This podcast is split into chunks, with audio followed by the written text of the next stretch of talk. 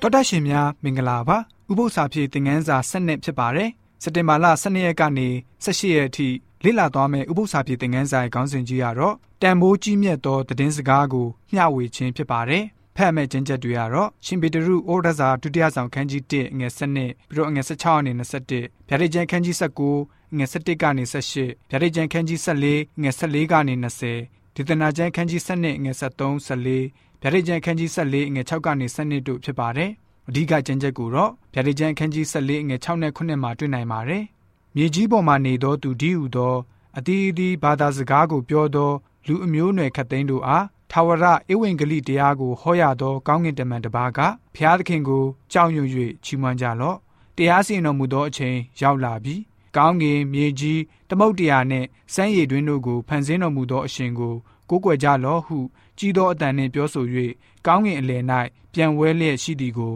ငါမြင်၏ဆိုပြီးတော့ဖော်ပြထားပါတယ်ခရစ်တော်ရှင်ရဲ့အသေးခံရွေးနှုတ်တော်မူခြင်းဟာဆိုလို့ရှိရင်စัจ java နာတစ်ခွင်လုံးအတွက်အကျုံးဝင်ပါတယ်ကဘာဦးကနေစပြီးတော့ယနေ့တိုင်ရှိသမျှလူတိုင်းအတွက်အထိပ္ပယ်တက်ရောက်ပါတယ်ဘယ်ချိန်ဘယ်နေရာဆိုပြီးတော့သတ်မှတ်ဖို့မလိုပါဘူး။ဧဝံဂေလိသတင်းစကားဟာလူသားမျိုးနွယ်အားလုံးရဲ့ဘာသာစကားတိုင်းနဲ့ရောယဉ်ကျေးမှုဓလေ့ထုံနှန်းစင်လာတိုင်းနဲ့ရော နောက်ခံမိသားစုရဲ့ရှိခဲ့တဲ့အခြေအနေတိုင်းကိုရောတခုမကြံဟောပြောတွင်တင်ပေးနေပါတယ်။ကွဲပြားတဲ့လူမျိုးစုတွေကိုလည်းပဲပေါင်းစည်းပေးစေပါတယ်။ယေရှုရှင်ရဲ့အသက်တာရဲ့ကောင်းတဲ့အသေးခံမှုပြန်လည်ထမြောက်မှုတင်မင်းရဲ့ချုပ်ထားမှုတကိုးတွေကိုအောင်နိုင်မှုစတာတွေဟာဆိုရင်တကယ်ပဲကောင်းတဲ့သတင်းစကားတွေဖြစ်ပါတယ်။ဧဝံဂေလိသတင်းစကားဟာယေရှုရှင်ရဲ့အကြောင်းပဲဖြစ်ပါတယ်။ယေရှုရှင်ဟာကျွန်တော်တို့အတွက်အသေးခံတော်မူခဲ့ပါတယ်။အပြစ်တကိုးရဲ့ပြစ်ဒဏ်ကနေကျွန်တော်တို့ကိုလွတ်ကင်းဖို့ ယေရှုရှင်ကြွဆင်းလာခဲ့ပါတယ်။ပြီးတဲ့နောက်မှာကျွန်တော်တို့ကိုအပြစ်အုပ်ဆိုးတဲ့နေရာကနေနှုတ်ဆောင်ပေးခဲ့ပါတယ်။ကျွန်တော်တို့တရားမဲ့နေရာမှာ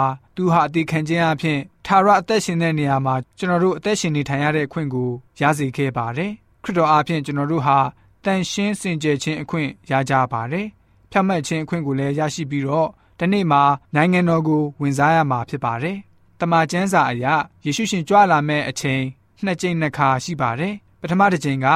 ယေရှုရှင်ဟာကြွလာပြီးတော့ကျွန်တော်တို့ကိုရွေးနှုတ်ဝယ်ယူပြီးတော့အိမ်တော်ကိုခေါ်ဆောင်သွားဖို့ဖြစ်ပါတယ်။ယေရှုရှင်ရဲ့ရွေးနှုတ်ဝယ်ယူခြင်းတန်ဖိုးဟာဆိုလို့ရှိရင်အဖိုးဖြတ်လို့မရပါဘူး။တမန်ကျမ်းစာမှာနောက်ဆုံးစာဆောင်ဖြစ်တဲ့ဗျာဒိတ်ကျမ်းဟာဆိုလို့ရှိရင်အထူးသဖြင့်ယေရှုရှင်ဒုတိယအကြိမ်ပြန်လည်ကြွမြန်းလာတာကိုကြိုတင်ရေးသားဖော်ပြပေးတဲ့ကျမ်းဖြစ်ပါတယ်။အခုအချိန်မှာလူသားမျိုးဆက်အတွက်အထူးအရေးကြီးတဲ့သတင်းပဲဖြစ်ပါတယ်။အခုတစ်ပတ်မှာတော့ဗျာဒိတ်ကျမ်းဟာဆိုလို့ရှိရင် 21ရာစုနှစ်အတွင်းမှာနေထိုင်တဲ့လူအဖွဲ့အစည်းနဲ့ဓာတ်ရိုက်ပတ်သက်နေတဲ့အကြောင်းကိုလေ့လာသွားမှာပဲဖြစ်ပါတယ်။ကျွန်တော်တို့အတူတူကမြင်တွေ့ရမယ့်အရာကတော့ယေရှုဟာနောက်ဆုံးခေတ်အသင်းတော်ကိုတောင်းဆိုချက်အဖြစ်နောက်ဆုံးကာလသတင်းစကားကိုဖြန့်ချီပေးဖို့ဖြစ်ပါတယ်ဆိုပြီးတော့ဥပုံနဲ့ဥပု္ပ္ပစာဖြစ်တဲ့ငန်းစာကဖော်ပြပေးထားပါတယ်။